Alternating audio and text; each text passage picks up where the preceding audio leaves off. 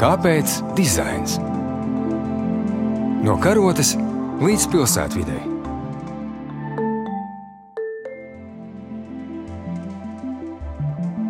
Dabā sācies jauns cikls, un tas atklās gan skaisto ziedoni, gan cilvēku darbību vidē, no piesārņojuma sētmalē līdz globālām klimata izmaiņām, taču arī rūpes par ainavu un tās saglabāšanu. Raidījumā Kāpēc dizains šajā reizē divi stāsti ar vienu mērķi - īstenot dizainu vidē.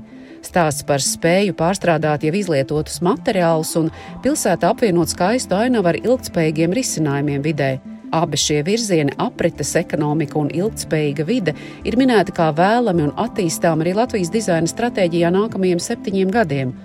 Vides dizaina galvenā cerība ir pavērst šobrīd daudzās jomās savu vietu iekarojušo domāšanu, kas apmierina cilvēka īstermiņa intereses, tādas izpratnes un rīcības virzienā, kas ir atbildīga pret planētas resursiem.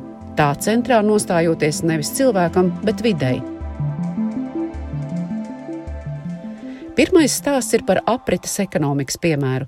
Dodos ārpus Rīgas pa asfaltētu ceļu, kuru seguma izturība varētu palielināt samalta gumiju no lietotām riepām, kā to izpētījuši RTU zinātnieki. Taču mans ceļa mērķis ir ražotne ādažos. Šobrīd atrodos ādažos, ir ļoti skaista saulaina diena un esmu ražotnes teritorijā, kur apkārt šķietami daudz ir jau ražotā materiāla. Un te tādā diezgan plašā teritorijā redzams, ka nu, ir nosakti materiāli, kas nav redzami, kas tieši tie ir, bet tūlīt to mēs arī noskaidrosim. Tālumā dzirdams arī ražošanas skaņas. Un šajā brīdī es arī izstaigāšu ražotnes telpas kopā ar rubriku vadītāju Dainu Bondu. Un tas ir uzņēmums, kurā nolietotas riepas pārstrādā drošos gumijas segumos telpām un laukumiem ārā. Sveicināt, Daina! Paldies, ka jūs piekritāt sarunai. Un vispirms pirmais jautājums, kā jūs esat uzņēmums, kurš darbojas galvenokārt aprites ekonomikas nišā. Kā jūs uzskatāt, cik tas ir svarīgi vispār? Jā, labdien! Prieks redzēt, tiešām tādā jaukā pavasarīgā dienā. Mēs esam uzņēmums, kurš ir aprits ekonomikas. Ja mēs domātu to kā apli, tad aplim nav sākuma, nav gala. Bet, ja mēs iztēlosimies, ka tam aplim ir tāda mazliet, mazliet pavērta sprauga, tad mēs esam tajā galā, kur nu katrs mēs, katrs indivīds, katrs pilsonis var ieraudzīt, kur tad ir otrā pārstāvētā izēvielas produkts. Ja? Mēs varam to samalt plasmas un izveidot jaunu plasmas krāslu. Līdzīgi arī mēs uzņēmums rubriku. Mēs esam tie, kas no nolietota riepu samaltās smalkmes ražo drošus segumus. Tieši tā kā jūs teicāt, gan iekštelpām, gan ārtelpām. Proti, rekur mums ir tādi daudz, daudz lieli balti maisi, tādi divu kubikmetru balti maisi, kuros mums atbrauc šīs samaltās riepas. Viena daļa no viņiem nāk tepat no tukuma. Tāpēc mums Latvijā par šo lietu jau cilvēki domā, un mūsu Latvijā nolietotās riepas tiek pārstrādātas, mehāniski samaltas, un mēs iegūstam 99,5% tīru gumiju, kuru tad var izmantot kā izējumateriālu jaunu, drošu produktu ražošanai. Pagājušajā nedēļā es izlasīju pēdējos datus par pēdējiem pieciem gadiem. Konkrēti tātad pārstrādātu riepu granulas tiek izmantotas dažādu materiālu ražošanā, un tur ir viens konkrēts tarikods. Un skatoties pa šo kodu, es varu pateikt droši gan par pasauli, gan par uh, Eiropu. Ir uh, drošs pieaugums, protams, atšķirīgs no valsts uz valsts, no 5 līdz 7 procentiem. Ir dažas valsts, kur mēs redzam pat 15% gadā pieaugums šai preču grupai, kas ir veidota no otrais izmantojamiem materiāliem mūsu gadījumā riepas malkmes. Tas ir pasaules trends, viennozīmīgi. Pavisam drīz arī Latvijā mēs redzēsim puķu podas no gumijas pārstrādātas, soliņus. Kādreiz pārstrādātais materiāls dabā nonākot, ir vēl kaitīgāks nekā šis pirmreizējais materiāls. Proti, kādā veidā mēs varam pārliecināties, ka šī aprits ekonomikas rezultātā radītais jaunais materiāls būs dabai un cilvēkam drošs. Mēs iepērkam pārstrādātās riepu granulas tikai no tādiem uzņēmējiem, kuri mums garantē vienmēr vienādu kvalitāti. Mēs regulāri pārbaudām mūsu produktus Eirofins laboratorijā Dānijā. Tā ir tāpat laboratorija, kas testē bērnu rotaļlietas. Un mēs mēram tādus parametrus brīvu gaistošo ogļūdeņražu izgarojumus. Izmantojot gan pārstrādāto riepu gumiju, gan griķu sēnels, gan dažādus citus dabīgus materiālus materiālus, kurus var formēt, formēt sajaucot kopā ar poliuretānu līmi, jeb saistvielu, ko mēs izmantojam, un iegūt dažādus ļoti interesantus produktus. Īpaši vēršot uzmanību uz akustikas jomu, ja, lielu telpu, iekštelpu vai sienu akustikai. Piešķirot pareizo formu no dabiskiem materiāliem, var um, iegūt ļoti interesantus, ilgspējīgus produktus. Jā, mēs tagad esam nonākuši jau ražotnē, kur mēs redzam dažādus paraugus no šīm gumijas flīzēm. Tad, kad mēs sākām šo ideju, es pasaucu savu draugu Edgars Kaufmanu, dizaineru. Es teicu, klausies, Edgars, kāpēc mēs nevaram izdarīt to, ko viss dara ar laminātu parketu, ar, ar, ar keramikas flīzēm? Nu, varbūt vajag to garlaicīgo kvadrātiņu skatu kaut kādā veidā izjaukt, vajag padarīt interesantāku šo bērnu rotaļlaukumu segumu, kurš vienmēr ir kāds zils, zaļš, sarkans. Oh, un visiem likās, ka tas oh, atkal tas sarkanais kvadrātiņa laukums. Un mēs izdomājām, ka to var izdarīt salīdzinoši vienkārši, izveidojot tādu uh, struktūru, tekstūru, kuru var iegūt ar vai nu lielāku vai nu mazāku struktūrālu iespiedumu. Un mēs izveidojām četrus dizainus. Un tas bija tā mūsu vizītkarte, ar ko mēs iegājām pasaules tirgos. Nu, lūk, mēs esam nonākuši šobrīd ražotnē dziļāk.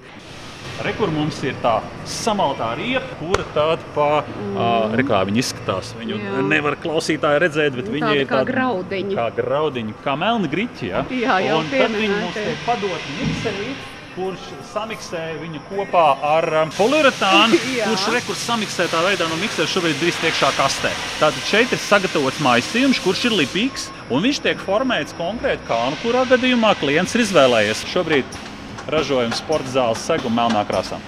Vienas plātnes šāda sagatavošana šajā līnijā neaizņem īpaši daudz laika. Tā tad viena plātne katras divas minūtes nāk ārā. Un tā jūs redzat, šeit ir daži cilvēki, un pārējo viss izdara roboti.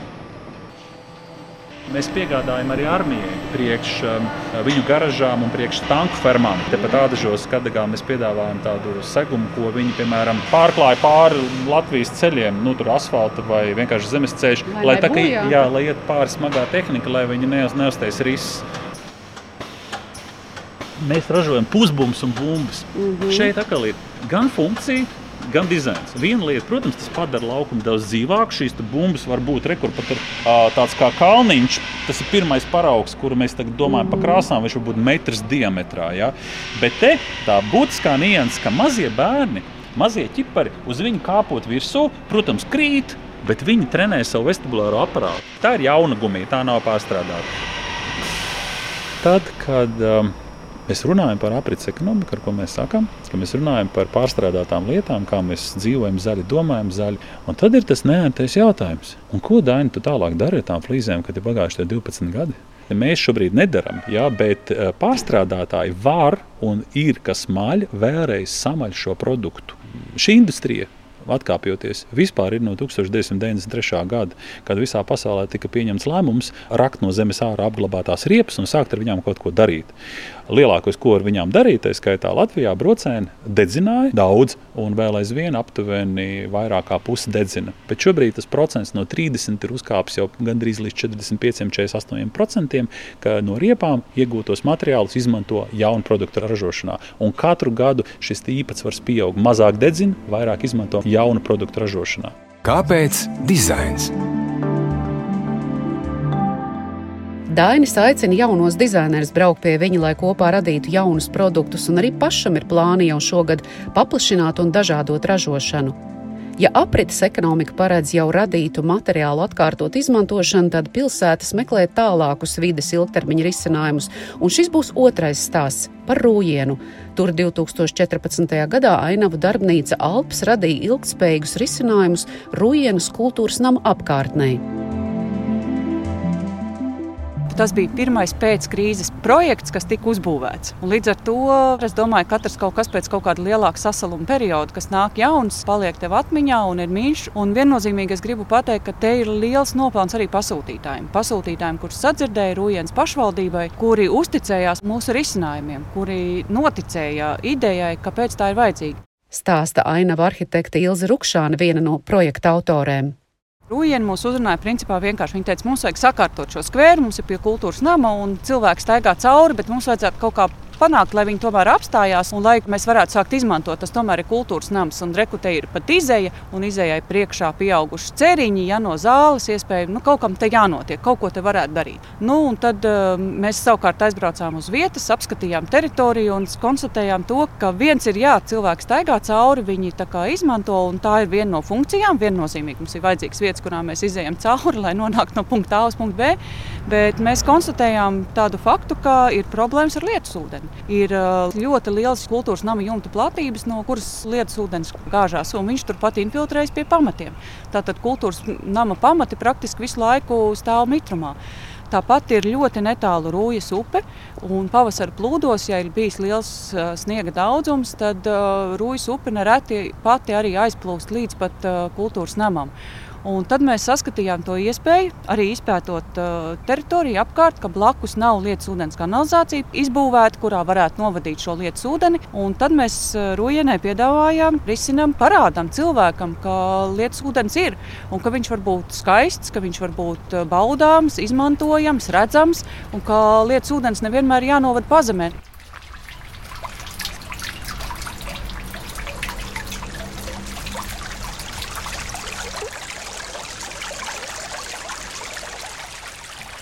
Un tad mēs prezentējām, stāstījām par to ideju, ka mēs varētu jā, savākt lietus ūdeni turpat un palēnām vai nu daļai infiltrēt, veidojot šos lietus dārzus, kur sakrājās pa daudz ūdens, tad viņš pārtek, un tad savukārt atkal pēc tam mēs varam izlaist un palēnām viņu infiltrēt tālāk no kultūras nama gruntī. Sākumā mums pateica, jūs esat trakas, mums tāda budžeta nav. Un tad mums bija pauze, mēs sākām zīmēt citus variantus, bet atgriezāmies pēc divām nedēļām pie pasūtītāja ar citām skicēm. Viņi saka, forši, ka jūs sazīmējat, bet mēs laikam tomēr gribam. mēs nebaidamies, mēs izmantojam viņu kā daļu no dizaina, no tēla. Un līdz ar to, teiksim, Rūjiena ir savu vārdu iegūst no Rūjas upes. Tie Rūjas upes meandri bija arī viena no tiem, kas mūs iedvesmoja, un viņš bija kā daļa no šī dizaina, šīs sausās upes. Mēs savukārt pasakām, tepat blakus aiz stūra, aiz pakalna jūs varat redzēt Rūjas upi, bet šie Rūjas upes meandri ir tepatās arī pie kultūras nama. Un lietas ūdens satek, un viņi veidojās kā tāda upe. Jā, stāsta tas pats par Rūjas upi. Upe meandrē, upe met līkumus. Skaidrs, jā. jā.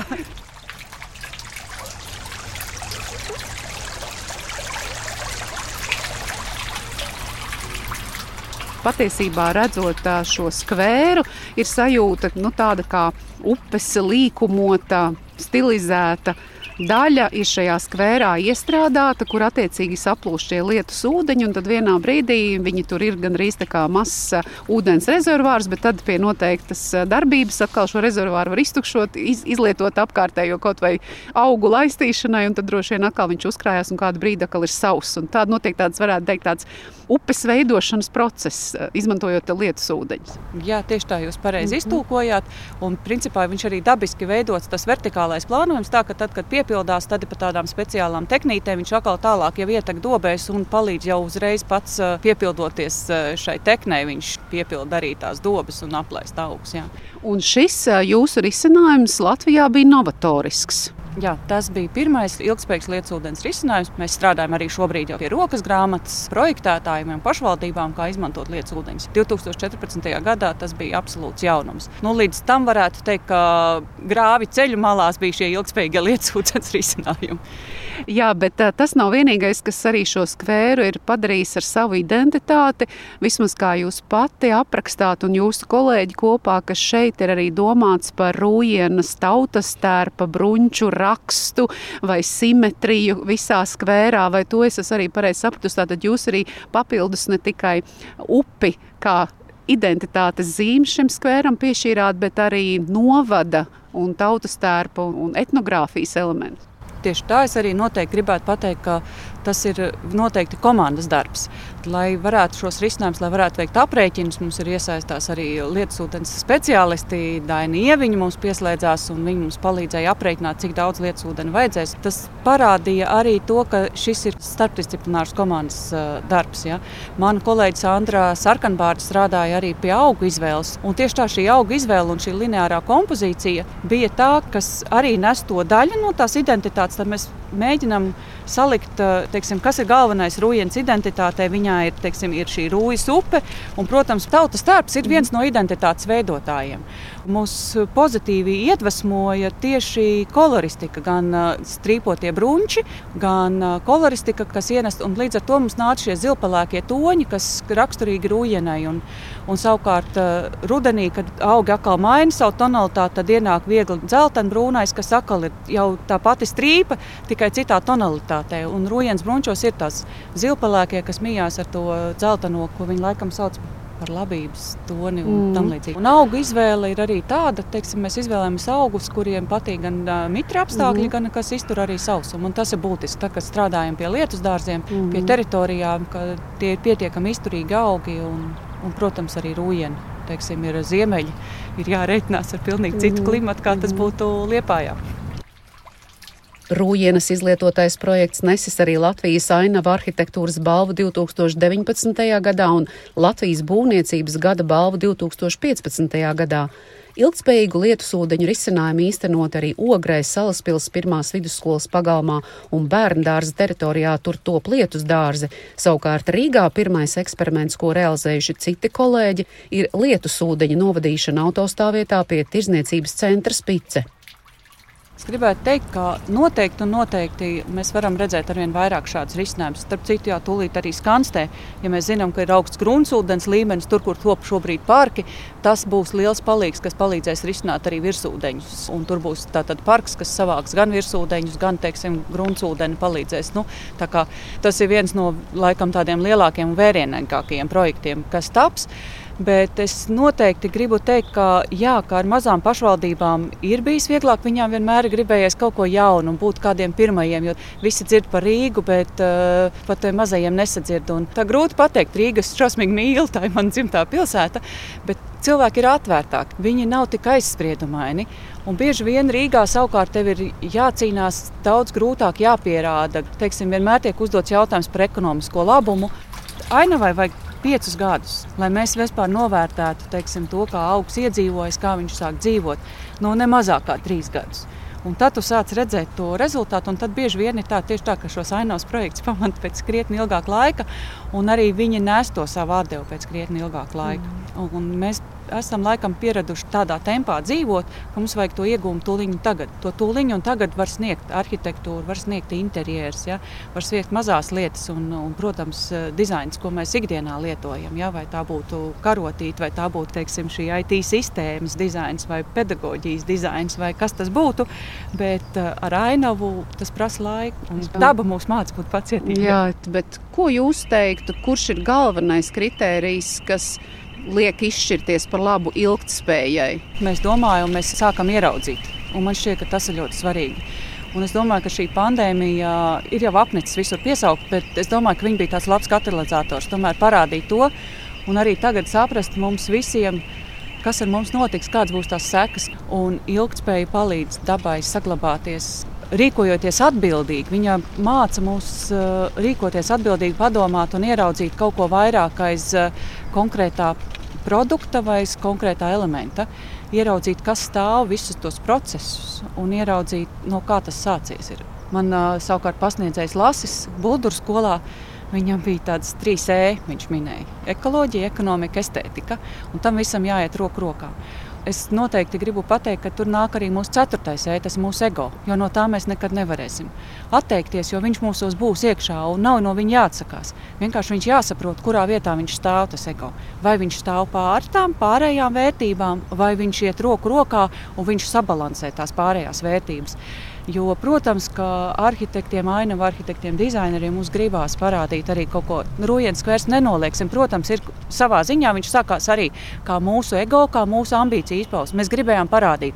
Bet tāpat laikā ne jau tāpēc, ka mums nerūpēja tā vide. Mēs rūpējām tā vide un mēs mēģinājām tur salikt tās vērtības kopā. To ekoloģiju, ekonomiku, estētiku un, protams, ieliekot to mūsu to ego.